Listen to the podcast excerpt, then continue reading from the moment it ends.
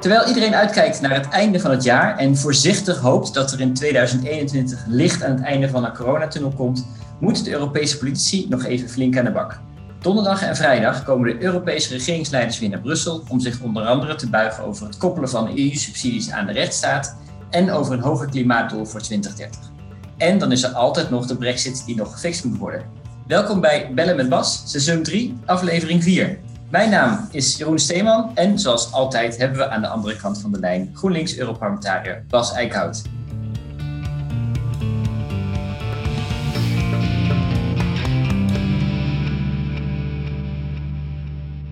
Goedemiddag Jeroen.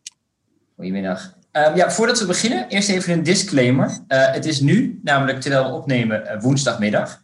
Onze editors gaan heel hard hun best doen om deze aflevering morgen, dus donderdag, af te hebben.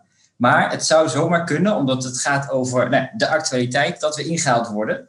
Um, maar dat mag, wat ons betreft, de pret niet, uh, niet drukken, dachten wij. Um, nee, nee, volgens mij kunnen we een hoop zeggen, maar uh, waarschijnlijk terwijl wij aan het uh, bellen zijn, zal de actualiteit op, ons, op sommige fronten alweer inhalen. Dus, dus, dus het, het, het, het wordt soms wat, wat vooruitkijken, terwijl we waarschijnlijk morgen al veel meer weten. Maar goed, dat, dat hoort bij de dagelijkse politiek. Hè?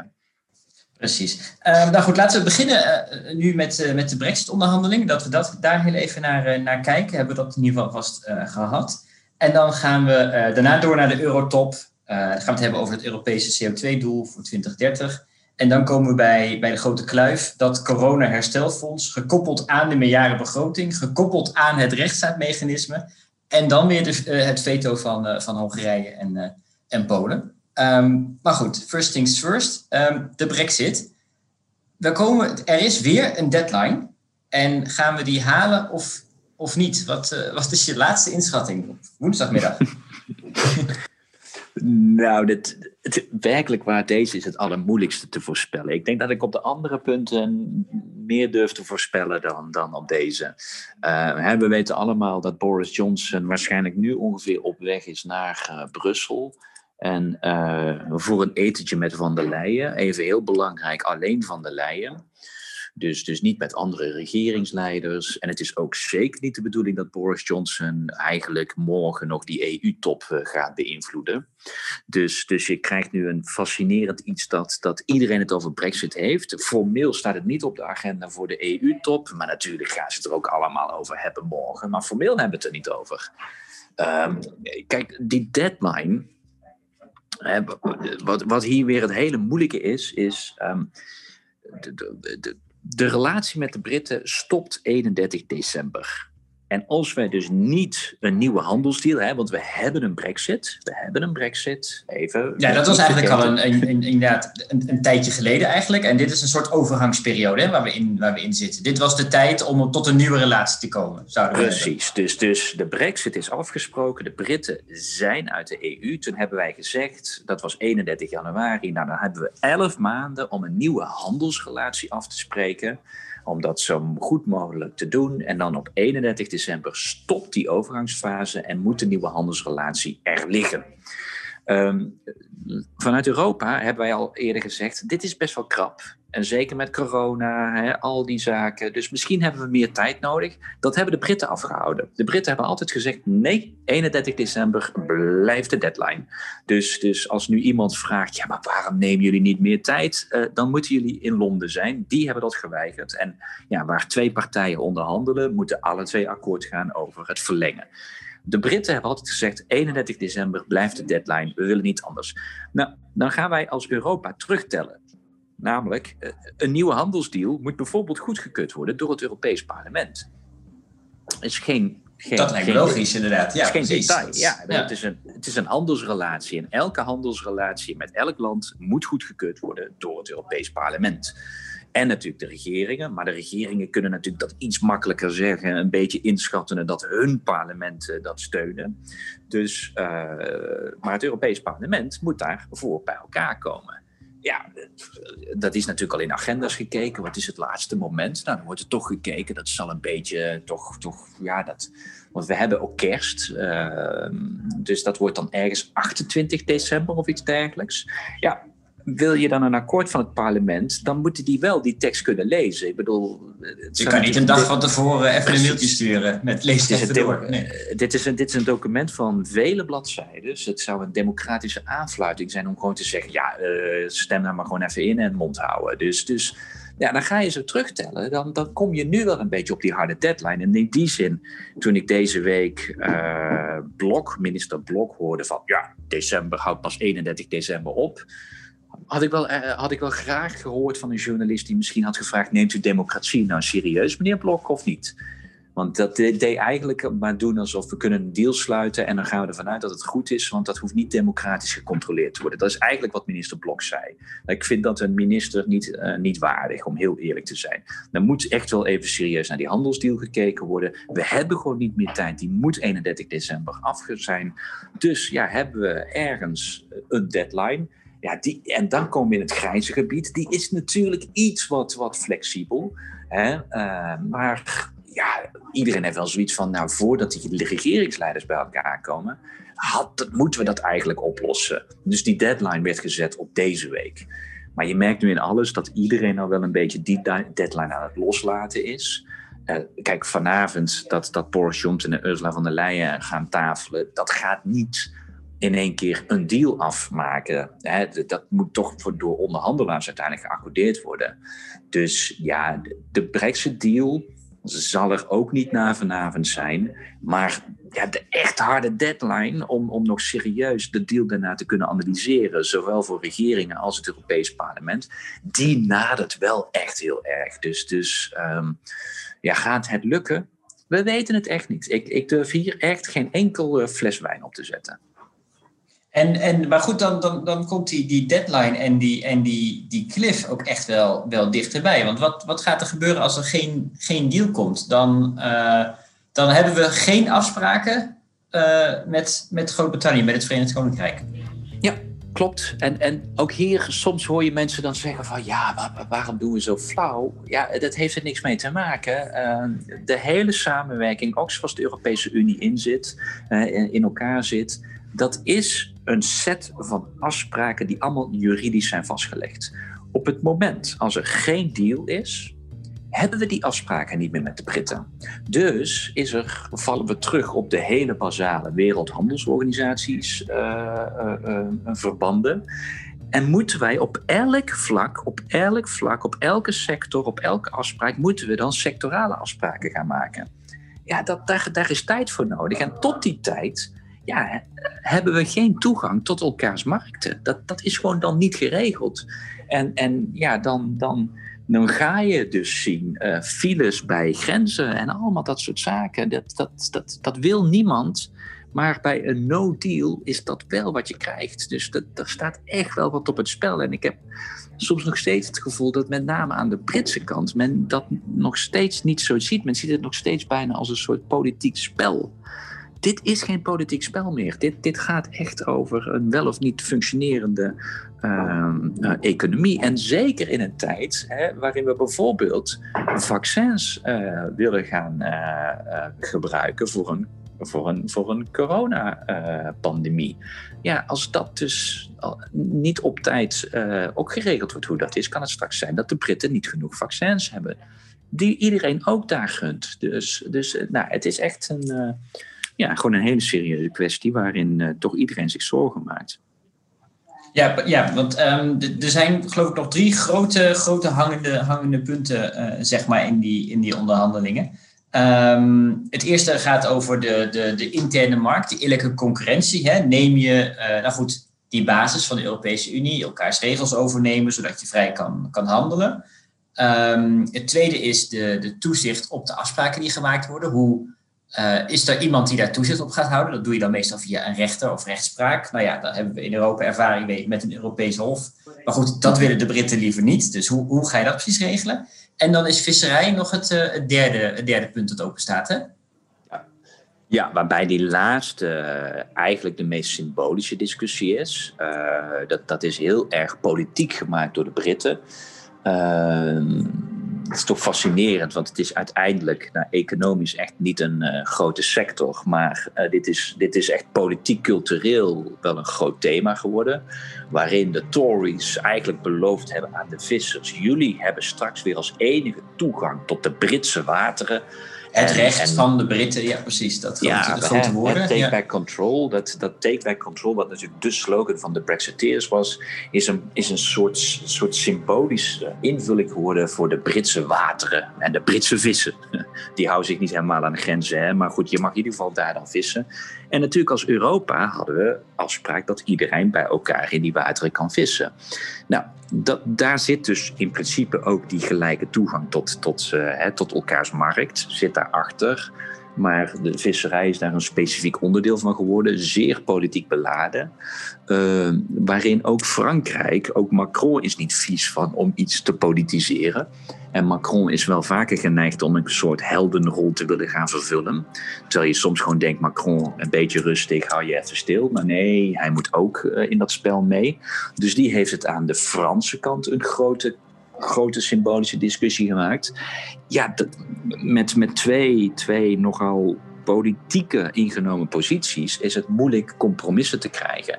De Britten willen gewoon, de Britse wateren zijn alleen voor de Britse vissers. En de Fransen zeggen: sorry, maar als jullie straks uh, jullie producten, waaronder vissen, willen afleveren aan de Europese markt, moeten wij ook toegang tot jullie wateren krijgen. Nou, en, en dat, is, dat is een. Um, Kijk, de, zware politieke discussie, uh, ja, die is denk ik heus wel op te lossen, maar ja, niet als er een soort politieke uh, hoofdrol wordt toegedicht. Dus dat, dat maakt een politiek het lastigste. Um, die andere twee, toegang tot de rechter en, en gewoon die gelijke markt, dat, dat, dat is natuurlijk nog steeds de kern van de hele discussie. Uh, de Britten hebben altijd gezegd, wij willen los van de Europese markt, maar we willen wel toegang tot de Europese markt. En de Europeanen hebben gezegd, ja prima om toegang tot de Europese markt te hebben, maar dan moet je wel aan de Europese eisen voldoen. Ja, dat, dat eisen we van alles en iedereen. Dus, dus nou ja, daar zal toch uiteindelijk linksom of rechtsom zullen de Britten daar uh, moeten bewegen. Dus, dus nou ja, je kan je iets bij voorstellen dat de Britten op de hoofdpunten gaan bewegen en dat ze dan op visserij een soort symbolische winst kunnen gaan claimen. Dat, dat zou natuurlijk een, een uh, politieke uitkomst kunnen zijn. Uh, maar ja, dat, dat is allemaal niet ideaal, dat is allemaal niet mooi. En het is de grote vraag: gaat Boris Johnson dat, dat durven te verkopen? Uh, ja, want hij zit zijn... toch met zijn eigen, zijn eigen achterban natuurlijk. Hij moet nog weer terug ja, naar, natuurlijk... naar zijn partij. Ja. Ja, precies. En hij heeft natuurlijk uh, de harde Brexiteers die eigenlijk altijd uh, ja, dit, dit groter hebben gemaakt en harder hebben gemaakt dan nodig. Ik vind het nog steeds fascinerend. Hè? Vergeet niet, de Brexit-referendum. Ja, de Britten stemden voor een, voor een Brexit. Maar dat was 52% tegen 48%. Dus het is niet het is niet een hele grote overwinning geweest, maar goed, die brexit komt er. Maar vervolgens hebben de harde brexiteers gedaan alsof zij een mandaat hadden voor de meest harde brexit. Dat zou ongeveer hetzelfde zijn geweest als andersom 52% voor de Remainers was geworden. En dat dan de Remainers hadden gezegd, nou, en dan gaan we nu ook in de euro en geven we de pond op dat, dat, ik kan me voorstellen dat, je dat niet helemaal verkocht krijgt, inderdaad. Nee, nee, maar dat, zo die interpretatie alsof de Britten voor een harde brexit hebben gekozen, dat is natuurlijk gewoon echt niet waar. Maar ja, dat is politiek, is dat zo veel jaren overheen gegaan. Er is zoveel brexit-moeheid, hè, ook in, in Groot-Brittannië. Um, ja, dat, dat, dat kan nog steeds hartstikke misgaan als politiek men gewoon zoiets heeft, laat maar zitten en dan maar een harde brexit. Ja, dan, dan gaan we echt forse gevolgen zien.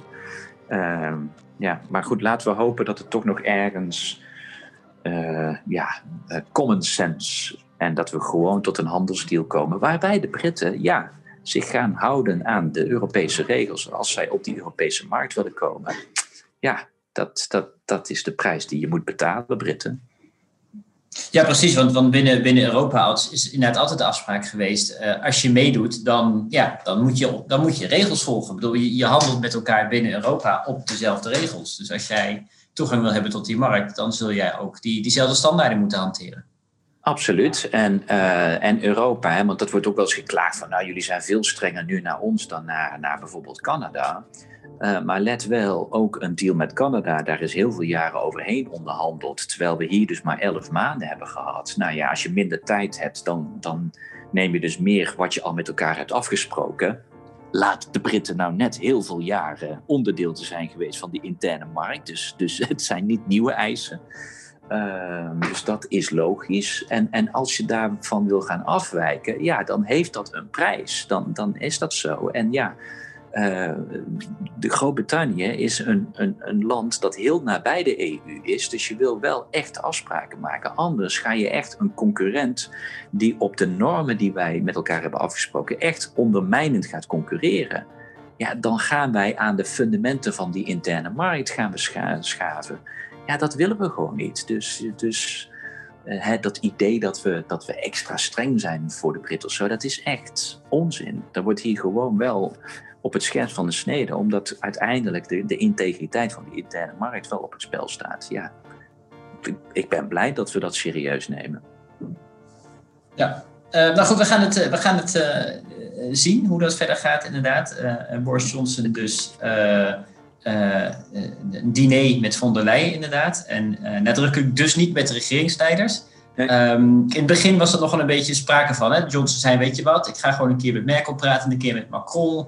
Uh, daar, sluit ik weer een deal mee en dan volgt de rest van, van Europa wel. Maar daar is hij echt niet, uh, niet in geslaagd. Hè? Europa blijft echt wel als één blok nu uh, die onderhandelingen doen. Ja, dit is ook, het is ook wel weer fascinerend. Die, die, die, het, is, het, is, het is echt een beetje schoolpleinpolitiek hè, van Boris Johnson. Waarin hij denkt dat hij een beetje met boelien hier en daar en wat mensen tegen elkaar uitspelen, dat hij wel rondkomt. Ja, goed, men was al niet zo onder de indruk van toen hij correspondent in Brussel was over zijn kennis van de EU. Maar als nu als regeringsleider etaleert hij wel dat hij eigenlijk na al die jaren de Europese Unie nog steeds niet kent. En dat Merkel en Macron, ondanks hun zeg maar, politieke statuur, heel goed weten dat zij A, niet eens kunnen, maar B, ook niet eens willen dat, dat er deelakkoorden komen met landen, omdat dat diezelfde interne markt uh, keihard gaat raken, waar alle landen zelf dan nog heel veel meer last van gaan krijgen. Dus, dus in die zin, die pogingen die stranden allemaal. En alle landen houden netjes. Nee, je hebt een onderhandelaar en dat is Michel Barnier. Die onderhandelt namens ons. En daar moet je het mee doen. We willen heus wel ze nu in de telefoon opnemen. Maar dat is vooral om je heel veel succes te wensen in je onderhandelingen met Michel Barnier. Oké, en dan eigenlijk op het moment dat, dat, uh, dat Johnson dan in, in de trein stapt terug naar Londen, of met het vliegtuig, dat lijkt me misschien wat eerder, uh, komen de regeringsleiders dus inderdaad naar, uh, naar Brussel voor de, voor de Eurotop. Um, die is gewoon fysiek uh, deze keer. Die was ook al gepland. Hè? Volgens mij is het altijd zo in, in december wel een, een Eurotop normaal gesproken. We hebben er vier per jaar. En altijd eentje in december. Ja, ja, ja precies. Um, en nou goed, de, de, twee belangrijkste dingen die daar op de agenda staan. Eerst is inderdaad klimaat. Um, de, en dan, dan gaat het specifiek over het, uh, de doelen voor 2030. Want daar is nog geen besluit over, althans vanuit uh, de regering zijn dus niet, vanuit de, de raad zeg maar niet. Het ja. parlement heeft eerder al een, uh, een doel vastgesteld. De commissie heeft een doel voorgesteld. en nu is het dus inderdaad aan de regeringsleiders om, dat, om daar een akkoord over te, te, te vinden.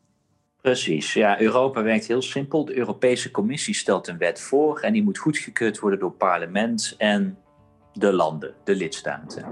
Uh, de commissie heeft eindelijk in september dan uh, het 2030-doel ingevuld. Hè. Dat, daar was heel veel kritiek op toen ze in maart kwamen met de klimaatwet, dat een 2030-doel toen nog niet was ingevuld.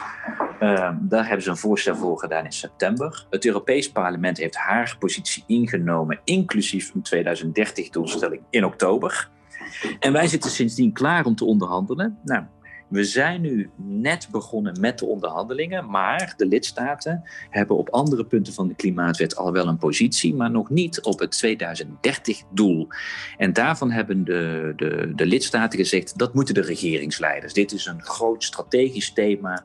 Dat moeten de regeringsleiders eerst Chefzaggen. Ja. Chefzaggen, precies, in goed Nederlands. Uh, en en uh, ja, deze, we hebben het al geprobeerd in oktober bij de EU-top. Toen is het uitgesteld naar december.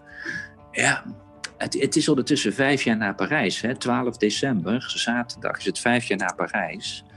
Um, er staan allerlei festiviteiten op het programma. het zou ongelooflijk pijnlijk zijn als Europa op die festiviteiten komt en niet een 2030-tool uh, kan, kan presenteren. Dus uh, ja, de druk is zeer groot dat, dat het, 2000, het verhoogde 2030 klimaatdoel, deze EU-top, wordt geaccordeerd door de regeringsleiders.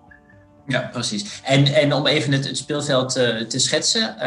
Er zijn een hoop landen, de, de, meeste landen inderdaad, die zeggen min 55, wat de commissie voorstelt, dat vinden wij, dat vinden wij prima. Um, onder andere Nederland, België sinds kort al, omdat ook omdat Vlaanderen inmiddels ook besloten heeft dat ze dat oké okay vinden en dus mag België, ook, mag België ook door. Polen is vooral de, de grote dwarsligger hier nog, hè? Ja, ik denk als je het serieus neemt, niet elk land heeft, uh, is een volledig akkoord al. Maar als je gewoon gaat kijken naar waar alle landen zijn, zijn, zijn er eigenlijk nog drie landen die echt aan boord moeten komen. En ja, die drie landen eh, zijn, zijn bekend, zijn, uh, die kennen we ondertussen. Dat is inderdaad Polen, Hongarije, maar ook Tsjechië. Tsjechië verdient hier ook vermelding, wel om volledig te zijn. Ja, ja. En wat, wat verwacht je? Is dat nu, we gaan het straks natuurlijk hebben over dat, dat andere grote, grote veto. Hoe gaat het eigenlijk precies in zo'n, in zo'n vergadering? Hè? Is dat gewoon, we gaan beginnen met klimaat en we gaan niet uitkomen en dan gaan we door naar het volgende? Of wordt dat echt allemaal aan elkaar geknoopt en kun je bijna zeggen van hé, als wij hier een beetje schuiven, kunnen jullie dan dit alsjeblieft uh, ook meenemen of niet? Hoe zit dat, hoe zit dat eigenlijk precies? Ja, het ligt een beetje aan de voorzitter. Hè. We hebben een vaste voorzitter voor die EU-toppen, dat is Charles Michel. Uh, en die probeert het natuurlijk als blokjes te behandelen. Uh, dat is toch het prettigste. Hè? Dat je gewoon één blokje hebben we dan over veiligheid, staat ook op de agenda. En dan hebben we één blokje over Turkije, staat ook op de agenda. Één blokje klimaat. En dan hebben we een blokje rechtsstaat. En proberen die helemaal los van elkaar te bediscussiëren. Maar ja, in de praktijk en zeker bij, een, bij veel gevoelige politieke onderwerpen gaat een land natuurlijk zeggen: nee, ik, ik, uh, ik ga nog niet akkoord. Ik wil eerst dat het volgende onderwerp besproken wordt. Dus ik, ik vermoed dat, dat er toch veel aan elkaar verknoopt gaat worden. Uh, en, en dat maakt het dus lastiger. Hè. Daarom heb je ook soms bij die EU-top dat er donderdag al een persconferentie komt met de eerste resultaten. En dan worden er allemaal wat conclusies gedeeld. En dan gaan we vrijdag verder en dan gaan we nog over andere hebben. Dat zal dit keer moeilijker zijn. Uh, waarschijnlijk. Uh, dus, dus ik verwacht niet dat er meteen al donderdag heel veel uh, witte rook is. dus dat wordt wat meer opgespaard. dus het zal iets meer drama zijn deze keer.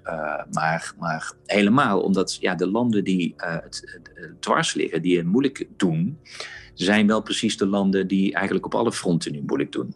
En op klimaat, kijk, Hongarije doet moeilijk, maar iedereen weet dat ze op klimaat eigenlijk dit alleen maar doen om de Polen te steunen in de hoop dat de Polen hun op andere thema's steunen. Uh, en de Tsjechen die, die willen graag nog wat, wat extra teksten op, uh, op kernenergie of iets dergelijks. Um, dus, dus ook daarvan heeft men wel het gevoel van, naar nou, de Tsjechen kunnen we waarschijnlijk nog wel omheen werken. Uh, de Polen, um, ja, uh, wat gaan we zien? Uh, zeer waarschijnlijk teksten die nog wat extra geld aan Polen geven. dat, dat is toch de klassieke manier om de Poolse zorgen over die klimaattransitie, ja, om ze aan boord te krijgen. Dus, dus je, we hebben nu teksten gezien. Ik denk dat die nog wat opgeplust gaan worden rondom teksten. Rondom het moderniseringsfonds en dat soort, dat soort terminologieën zul je nog wel erbij zien komen. Wat het liefst andere landen, wat het liefst andere landen niet willen. Hè? Mm -hmm. En heeft, heeft Polen dan, kijk, eh, misschien bedoel, Polen draait ook heel erg op kolen en zo. Hè? Hebben die het ook echt het moeilijkste om straks die, die transitie te maken? Hebben ze, hebben ze ergens een, een punt misschien? Eh, ze hebben zeker een punt. Dat, dat Althans, niet, niet voor het doel dan misschien, maar wel inderdaad om te zeggen van kijk, voor ons is die transitie echt super moeilijk. Want wij zijn zo'n kolenland. Uh, wij, wij hebben gewoon hulp nodig om daar te komen. Ik denk dat de Polen daar absoluut een punt hebben. Hè? Dus dat uh, in die zin uh, een, een bagatelliserende houding van nou bek houden, tekenen bij het kruisje. Nou, ten eerste werkt dat nooit heel goed in onderhandelingen.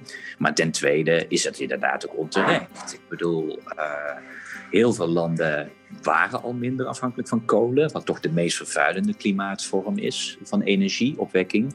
Um, en de landen die het wel hadden, hebben natuurlijk al veel eerder stappen daarin gezet. Um, Polen heeft gewoon nog de grootste afhankelijkheid van kolen in Europa.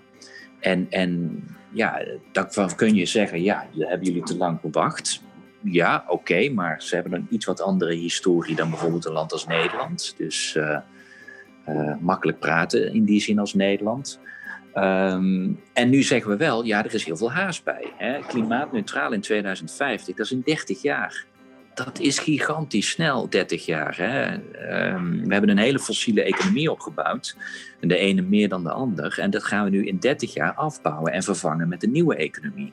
Dat, dat zijn forse uitdagingen. En dat een land als Polen dan iets wat meer zekerheden wil krijgen, dat ze daarin ook echt geholpen worden. Ja, dat snap ik wel.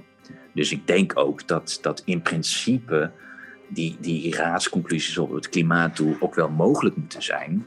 Maar ik denk de grootste moeilijkheid zit er natuurlijk, is er gewoon politieke ruimte. En, en dan komen de andere dossiers op de hoek kijken. Ja, precies. Nou, laten we meteen over, overstappen inderdaad naar het, uh, het grote hoofdpijndossier dan voor de, voor de regeringsleiders. Uh, we gaan even terug naar, naar juli, toen het nog uh, lekker warm weer was uh, buiten. Um, de marathon Eurotop over de, de meerjarenbegroting en het corona-herstelfonds. Um, we kunnen ons nog wel herinneren, dat was vooral uh, de rol van Nederland, van Mark Rutte, die zei, die uh, nou ja, een beetje de, de, de nieuwe Thatcher wilde zijn, no, no, no. Uh, en alles blokkeerde eigenlijk.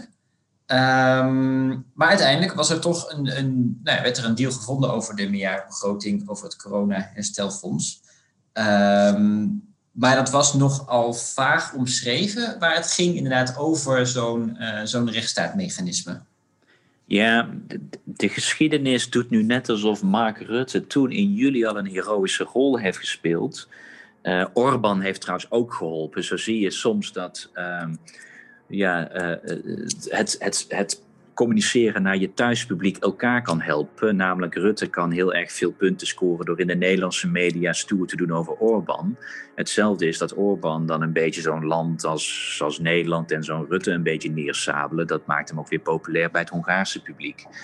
Dus, um, maar de facto, als we gewoon even voorbij die retoriek kijken, hebben de regeringsleiders natuurlijk in juli het probleem gezaaid. Um, er lag al heel lang de eis van heel veel mensen, ook het Europees Parlement, van die gaan nu eens een keer serieus rechts, toezicht op rechtsstaat koppelen aan het uitgeven van al dat geld. We hebben we, alles bij elkaar, MFF en het corona-herstelfonds. dat is voor over zeven jaar, dus het is over veel jaar, maar dat gaat over 1800 miljard. En toen was wel de discussie, zullen we dat misschien een keer gaan koppelen aan of, of dat wel, of, of landen die dat krijgen, dat die wel gewoon de rechtsstaat intact houden. Um, de regeringsleiders konden daar niet echt uitkomen omdat Mark Rutte andere prioriteiten had. Ook daar moeten we dus eerlijk in zijn. De prioriteit van Mark Rutte was minder geld. Um, en ja, op rechtsstaat is er toen een soort bezweringsformule gevonden die elke regeringsleider thuis kon uitleggen. Ja, dat, dat gebeurde ook. Hè? Dat, dat zagen we ook echt volgens mij. Dat op het moment na die deal je, je letterlijk inderdaad Orbán uh, voor de camera zag. Nou, we hebben het gehaald wat we wilden. En, en inderdaad Rutte in Nederland precies hetzelfde zei. En dat ik dacht van ja, maar hebben jullie nou dezelfde tekst? Hoe zit het? en ze hadden dezelfde tekst. Maar kijk, een raadsconclusie uh, heeft natuurlijk die mogelijkheid. Je kan in, in raadsconclusies, wat toch een beetje meer hogere wiskunde is qua formuleringen, daar kun je teksten verzinnen waarin 27 landen de overwinning kunnen claimen. Dat kan. Maar het probleem is dat je het vervolgens in een wet moet gaan gieten. En in een wet kun je dat niet meer doen. In een wet kun je niet meer een interpretatie doen waarin dan 27 landen zeggen: Nou, dat is precies wat ik wilde. En dat gebeurde in september. In september uh, heeft het Duits voorzitterschap toegekeken van, nou, dat rechtsstaatmechanisme, dat een voorstel van de Europese Commissie. Dus die heeft dat vervolgens omgezet in een deal. En toen was Nederland al tegen. Dus toen bleek al dat uh, niet iedereen tevreden was. Het was een zeer slappe deal van de Duitsers, waarin Orbán eigenlijk heel tevreden kon zijn. Uh, Nederland heeft daar tegen gestemd, maar het is een wet, dus ineens op die wet had Nederland geen veto meer. Dus, dus Nederland viste eigenlijk achter het net. En je kan dus zeggen dat Rutte, grote mond in juli, kwam weg met een bezweringsformule waarin ook Orbán de winnaar was. En in september bleek, als je het in een wet giet, heeft Nederland eigenlijk niks binnengehaald en stemde Nederland dus onder protest tegen. Gelukkig met wetgeving is er nog een Europees parlement. En, en heeft Rutte ook onlangs toegegeven dat hij hier toch best wel dankbaar is aan het Europees parlement. Dat hoor je ook niet elke dag, maar hij heeft het toch uit zijn, uit zijn mond gekregen. Ehm, het Europees parlement heeft vervolgens gezegd: uh, nee, dit, dit is niet voldoende. Wij scherpen het aan. Overigens echt niet op die manier als wij het initieel wilden. Het was dus al een compromis. Als nu iedereen zegt, ja, je moet wel compromissen sluiten. Dat hebben we gedaan. We hebben dus een verbeterd rechtsstaatmechanisme, maar niet zo strak als wij het wilden als Europees parlement. En toen hebben heeft Orbán samen met de Poolse uh, premier gezegd, dit, dit gaat zo ver. Wij komen eigenlijk terug op die juli-deal, waarin wij allemaal akkoord moeten gaan met de meerjarenbegroting. Maar wij zeggen nu dat het rechtsstaatmechanisme is nu te streng geworden. Maar dat zeggen ze niet, ze gebruiken allerlei andere retorieken, maar dit komt erop neer. En dus gaan wij terugkomen naar die juli-deal en zeggen wij, dan hoeven wij ook ons daar niet aan te houden. Dus wij blokkeren nu de deal van juli. En we zijn in december en we zijn eigenlijk weer terug bij juli.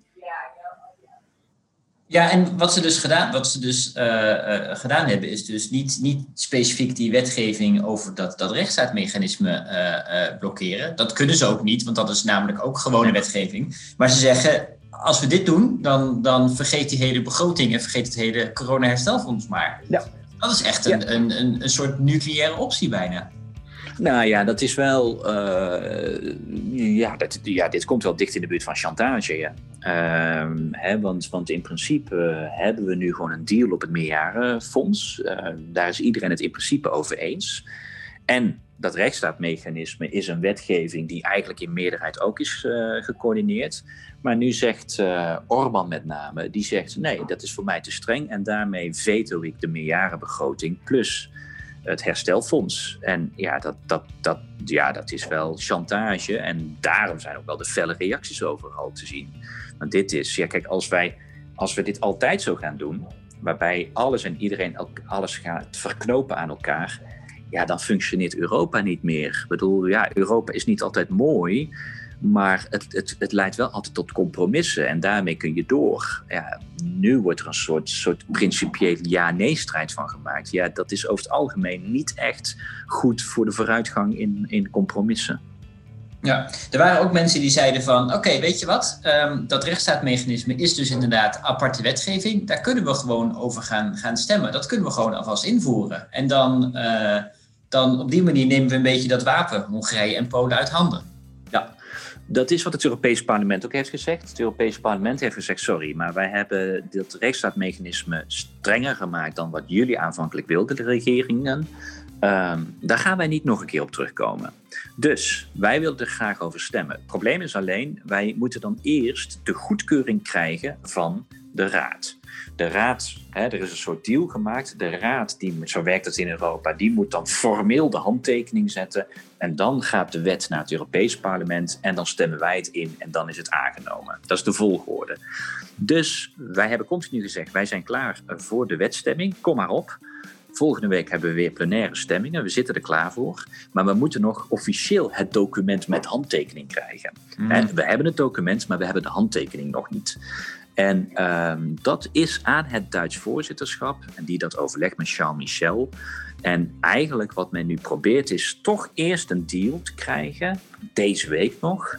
En het laatste redmiddel is, en dat zul je gaan zien, als er geen deal komt, dan zal uh, Charles Michel zeggen: dan gaan we het rechtsstaatmechanisme toch de handtekening zetten en gaat het naar het Europees Parlement.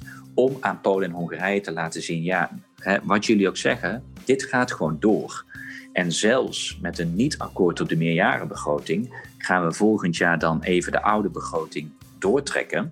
Dat is allemaal niet fraai, maar het kan allemaal. Maar dan gaat het rechtsstaatmechanisme gewoon alsnog werken, ook op die oude begroting. Dus je wint helemaal niks. Maar Charles Michel wil dat alleen maar als laatste drijfmiddel inzetten. En tot die tijd ja, zitten wij als Europees parlement klaar om het document met handtekening te ontvangen. Ja, ik kan me wel voorstellen als je nu weet dat de Eurotop deze dagen aankomt, dat je denkt, oké, we kijken nog even dit weekend aan. Want anders dan, dan escaleer je ook misschien en dan uh, maak je de, de, de uitweg ook weer kleiner voor jezelf misschien. Precies, ja. in die zin snap ik dat, dat, eh, dat, dat men nog kijkt naar is er een oplossing voordat we dit doen. Want daarmee ga je gewoon het rechtsstaatmechanisme accorderen, vastleggen en dan, dan is het gewoon uh, los. Dus men is aan het kijken. Maar, uh, en dat is natuurlijk dat nieuws wel waarom het nu interessant is. Op dit front is nu, terwijl wij met elkaar bellen, wel de meeste beweging gaande. Hè? En er lijkt dus een oplossing gevonden te worden. En, en als dat zo is dan zou die eurotop wel eens veel sneller kunnen gaan dan we tot nu toe dachten. En, en, en kijk, als dit, dit hete hangijzer toch opgelost wordt, ja, dan, gaan, dan, dan krijg je een bijna klassieke EU-top met onderwerpen. En dan denk ik dat het klimaatdeel ook wel geaccordeerd wordt, waarin de Polen dus wat extra teksten krijgen op geld. Ehm, en de Tsjechen over dat hun, elk land een eigen energiemix mag kiezen nou ja, dat soort teksten komen er dan. En dan komen we er wel doorheen, denk ik. Maar dat hangt dus wel aan dit politieke hete hangijzer. Maar daar lijkt dus een oplossing gevonden te zijn. En die is typisch Europees. Het inlegvelletje. Dat is, een inlegvelletje. Uh, ja. Ja. ja. ja. Nou ja, dat, dat, hebben we een nietje en dan, dan, dan nieten we dat inderdaad aan, uh, aan de afspraken. Ja, en dat is juridisch niks waard. Uh, hè, Nederland had hem in het Oekraïne-associatieverdrag. Heeft Rutte ook een inlegvelletje gekregen. Dat heeft hij ook thuis verkocht als een grootste overwinning. Wat jij wil. Um, um, dit keer gaat misschien Orbán naar huis om te zeggen: well, kijk eens wat ik gewonnen heb. En dat inlegvelletje. Nou, de, precieze tekst is men nog aan het uh, uitonderhandelen. Maar wat je hoort, wat daarin komt is, is een hele hoop uitleg wat het nou precies doet. Uh, ik denk wat het belangrijkste daarin is wel, is dat zeer waarschijnlijk er tekst komt waarin gezegd wordt, uh, een land kan nog naar de rechter gaan, want kan zeggen deze wet is in tegenspraak met, met, met het verdrag van de EU, hè, de basisrechten van de EU. Dat kan natuurlijk, hè.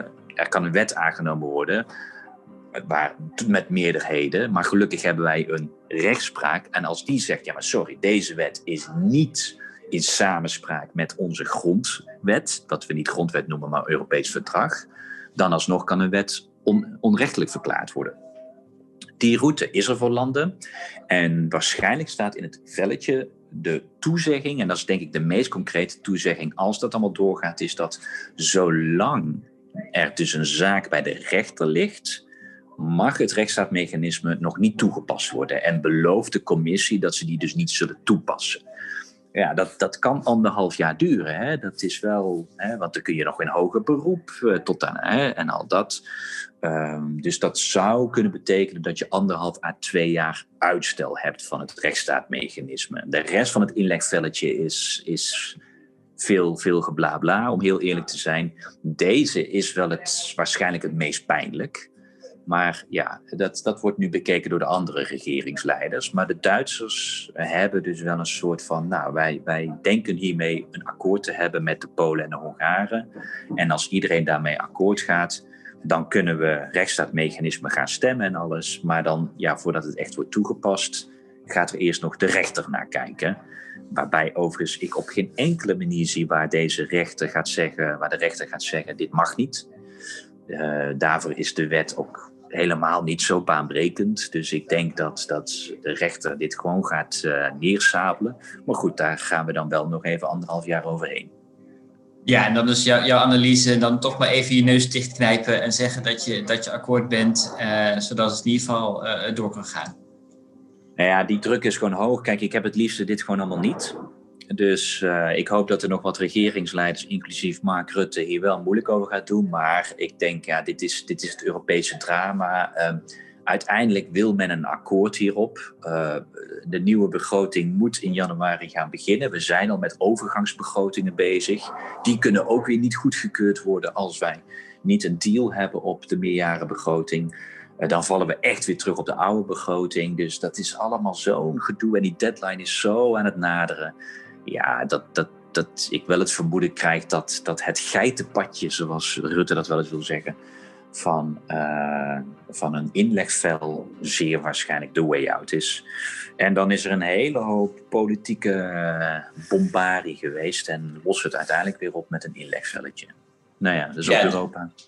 Ja, precies. Net even nog het laatste stukje hierover. Hè. heb je soms niet het idee dat, dat dit, dit, die hoop bombari vooral ook gebruikt wordt voor uh, binnenlandse consumptie, zoals dat heet? Dat het meer inderdaad weer gericht is dat Orbán in Hongarije nog even wil laten zien van kijk, ik ben de baas en ik laat iedereen in, uh, in Europa uh, zien wat ik, daarvan, wat ik daarvan vind. Is dat niet uiteindelijk zijn hoofddoel geweest met hier toch nog even zo, zo dwars te liggen?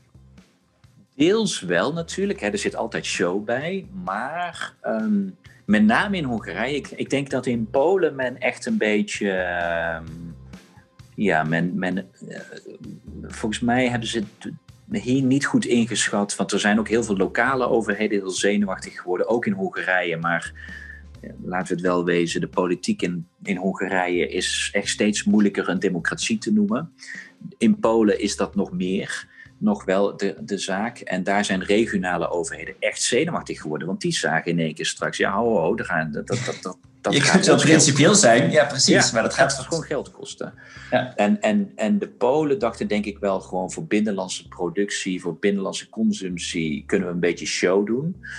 Uh, maar ze hebben zich echt een beetje verbonden aan Orbán, die er veel harder in zat. En, en daarom zag je ook dat aanvankelijk Polen en Hongarije zeiden: we houden elkaar vast. En als de een akkoord niet akkoord ga ik ook niet akkoord.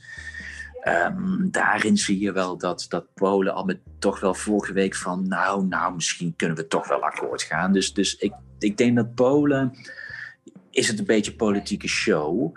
In Hongarije is er echt wel iets, iets fundamenteler aan de gang. En ik heb het gevoel dat mensen zich dat nog steeds niet, niet, niet realiseren. Maar Orbán begint thuis ook wel steeds meer hardop te praten over een, een, een Hongarije buiten de EU.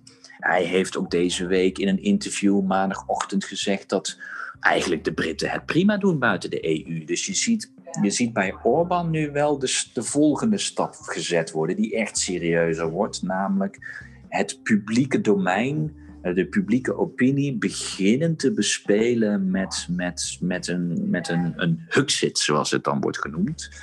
Um, en, en ik denk wel dat, dat het echt tijd wordt dat we Orbán als een veel serieuzer probleem gaan zien dan, dan zomaar iemand met een grote mond in een, in een binnenlandse setting.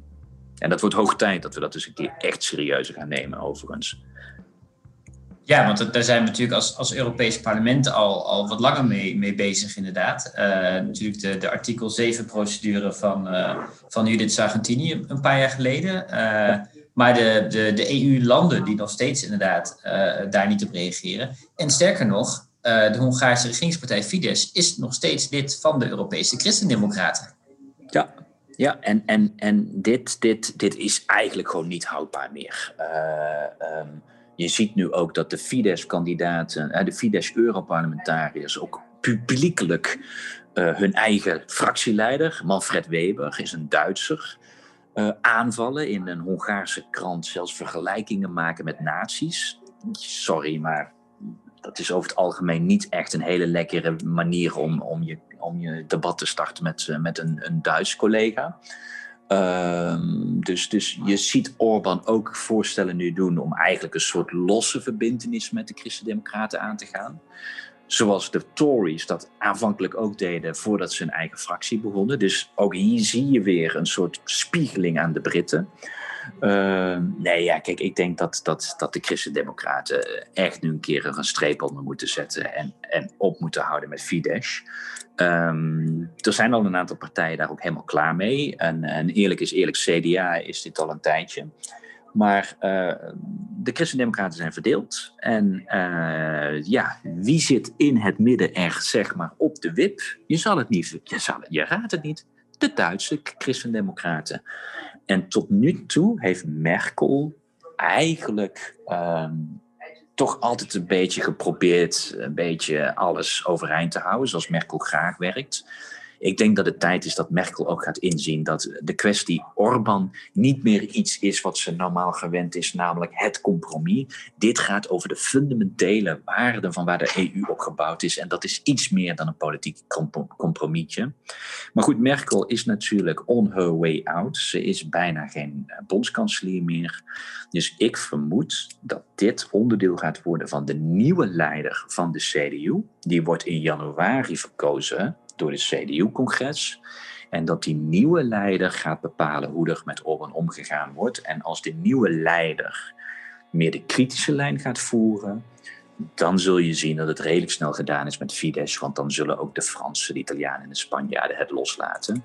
Uh, wordt het meer een, een, een hardere lijn, ja, dan blijft Fidesz gewoon onderdeel en zullen we gewoon in zijn geheel de christendemocraten wat, wat zullen zien verrechtsen. En dat heeft dan ook zeker gevolgen voor een partij als CDA, zou ik zeggen. En uh, ja, dus, dus eh, in die zin gaat dit dus misschien bepaald worden uiteindelijk door het voorzitterschap gekozen door het CDU-congres in januari. Zo zie je maar hoe Europese politiek soms uh, alles met elkaar verknoopt. Ja, precies. Oké. Ehm, dan, voordat we afsluiten. En even heel simpel, het wordt oh. dus even simpel. Het wordt Laschet of Merts. En Merts wordt het gewoon een Fidesz-EPP. En met Laschet denk ik dat het einde Fidesz is. Dus dat staat op het spel. Oké. Nou, we gaan het zien in januari. Uh, want inderdaad, in, in, volgens mij is ook net bekend geworden wanneer nou precies dan die verkiezingen in Duitsland zijn. Dat is dan in uh, Even september. heel snel kijken. Ja, de september wisten we al. Maar we gaan even heel snel kijken. 26 september. 26 september 2021, Duitse verkiezingen. Belangrijk, zullen we erbij zeggen. Maar goed, dat. Uh, uh, ja. Belangrijker voor, de... voor ons dan Amerikaanse verkiezingen. Uh, absoluut. Nou, laten we hopen dat we in, in de Nederlandse media net zoveel aandacht voor de Duitse verkiezingen zullen zien als we zijn voor de Amerikaanse. Ik kijk nu al uit naar de delegaties van Nieuwsuur en alle, alle radio en tv naar Berlijn. Het wordt interessant. Goed, nou nog even om af te sluiten. Um, want we hadden nog het corona-herstelfonds. Dat, uh, daar zitten namelijk wat goede uh, ontwikkelingen in. Dat zijn een van de. Nou goed, dat is dat plan wat in juli ook inderdaad uh, afgesproken is, op hoofdlijn bepaald is. En ook daar wordt nu gewerkt aan de, de uitwerking in, in wetgeving. En daar zit jij, Bas, ook bij aan de, aan de onderhandelingen over hoe groen dat herstelfonds nou gaat worden. Ja, ook dit is dus weer. Het is soms heel complex, want dan denkt iedereen, maar dat herstelfonds hebben we dus al. Ja, de regeringsleiders hadden gezegd 750 miljard. Ehm, ja, ze hebben ook gezegd 30% van het totale geld moet aan vergoeding, aan klimaat worden besteed. Uh, en dat was het. En nu zijn we dus in die wet bezig. Ja, dat is hartstikke leuk, maar dan betekent als het 30% voor de hele 1800 miljard is, dan moet dat herstelfonds, wat kleiner is, moet is uitgerekend door de commissie, dan moet dat 37% naar klimaat gaan. Anders halen we die 30% niet, omdat bij de meerjarenbegroting er ook geld gaat wat al heel duidelijk nooit naar klimaat zal kunnen gaan. Dus, dus 37% moet naar, uh, naar klimaat. Dat is op zich al geaccordeerd ook door de lidstaten. Dus daar zijn we het over eens. Maar dan wordt de grote vraag: maar hoe meet je dat? Wat bedoelen wij met 37% naar klimaat? Um, ga je dat gewoon heel makkelijk tellen daar, dan, dan is het een nepdoel, dan hebben we er niks aan. Of wil je het echt vergoeding, maar dan moet je dus wat strenger gaan toezien dat die 37% ook echt een goede investering is. Nou, dat laatste, daar zijn we nu in het Europees Parlement voor aan het vechten, want ook hier de lidstaten hadden hier natuurlijk een heel slap standpunt op, zoals wel vaker, want ze willen gewoon dat geld zo makkelijk mogelijk kunnen uitgeven. Maar het is ons gelukt als Groenen om hier wel een stevige positie in het Europees Parlement te krijgen. En die zijn we nu aan het bevechten. En het lijkt nu dat de Europese Commissie, die altijd echt tussenin zit om compromissen te, te, ondersteunen, die gaat nu onze kant op bewegen en komt nu met compromisvoorstellen die eigenlijk heel erg goed onze ideeën uh, aan, het, aan het overnemen is. Dus, dus we lijken hier beweging te krijgen, um, maar we weten nog niet hoe de lidstaten gaan reageren. Uh, aanstaande maandag is er weer een onderhandeling. En de poging is natuurlijk om, om er nog dit jaar het af te ronden.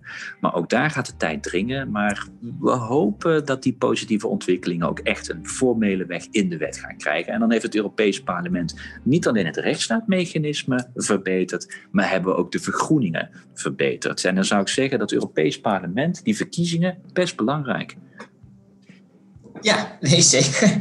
Absoluut. Um, uh, vooral inderdaad, nee, goed, omdat de verhoudingen inderdaad ook in het parlement dus uiteindelijk best, uh, best verschoven zijn na, na de laatste uh, verkiezingen. Um, wil we zien dat, dat, dat volgens mij de, de groene invloed, hè, de invloed van, van de groene Europarlementariërs inderdaad echt gegroeid is door vooral volgens mij op, op wetgeving echt aan de knoppen bij te kunnen sturen. Ja, en dat heeft ook mee te maken dat natuurlijk, hè, wat ik net schetste bij de Christendemocraten. Kijk, eigenlijk is het hele parlement is wel groener geworden. Maar bij de Christendemocraten is, is in de balans is Oost-Europa groter geworden. Dus je ziet dat, dat, dat Christendemocraten, die fractie, is wat, wat conservatiever geworden. En dat is een moeilijke setting in een verder wat progressiever Europees parlement. En, en dat maakt de dynamiek complexer. En dat zorgt er wel voor dat de groenen vaker nodig zijn voor meerderheden. En ja, die positie die, die willen wij natuurlijk met heel veel plezier benutten. Precies. Um, nou, daar gaan we ongetwijfeld inderdaad de, de, komende, de komende tijd mee, uh, mee verder en op, uh, op door. Um, ik weet, ik weet niet of we elkaar voor het einde van het jaar nog spreken. Misschien moeten we maar gewoon inderdaad zeggen dat we dat wel doen. Dat we, uh, als we weten wat er nu uit de Eurotop gekomen is, als we nog wat verder zijn. Misschien is dat meer Brexit-nieuws dat we nog terugkomen voor nog een voor nog misschien een, wel. een aflevering. Ja, misschien is het een beetje zoals Rutte. Als het alleen maar goed nieuws is, dan zie je ons niet meer. En, en, en misschien anders uh, wel. Ook een soort dreigement, laten we dat boven de markt hangen. Wat dacht je daarvan? Als het slecht gaat, dan zijn we terug met een nieuwe aflevering. Nou, dat lijkt ja. me het mooie om uh, iedereen te Dus eigenlijk hoopt iedereen dan dat dit de laatste van het jaar is. Nou, precies. Yes. Nou, Bas, bedankt voor je, voor je tijd. Uh, we hebben een hele tijd bijgepraat, maar volgens mij is het allemaal wel weer een stuk duidelijker. Dankjewel en tot gauw. Graag gedaan. Tot snel hè. Ja. Dit was Bellen met Bas, een podcast van GroenLinks Europa en de Groenen in het Europese Parlement. Blijf op de hoogte van het Europese politieke nieuws via onze updates. Kijk op europa.groenlinks.nl slash update om je aan te melden. Met dank aan Studio Cloak voor de audiovormgeving.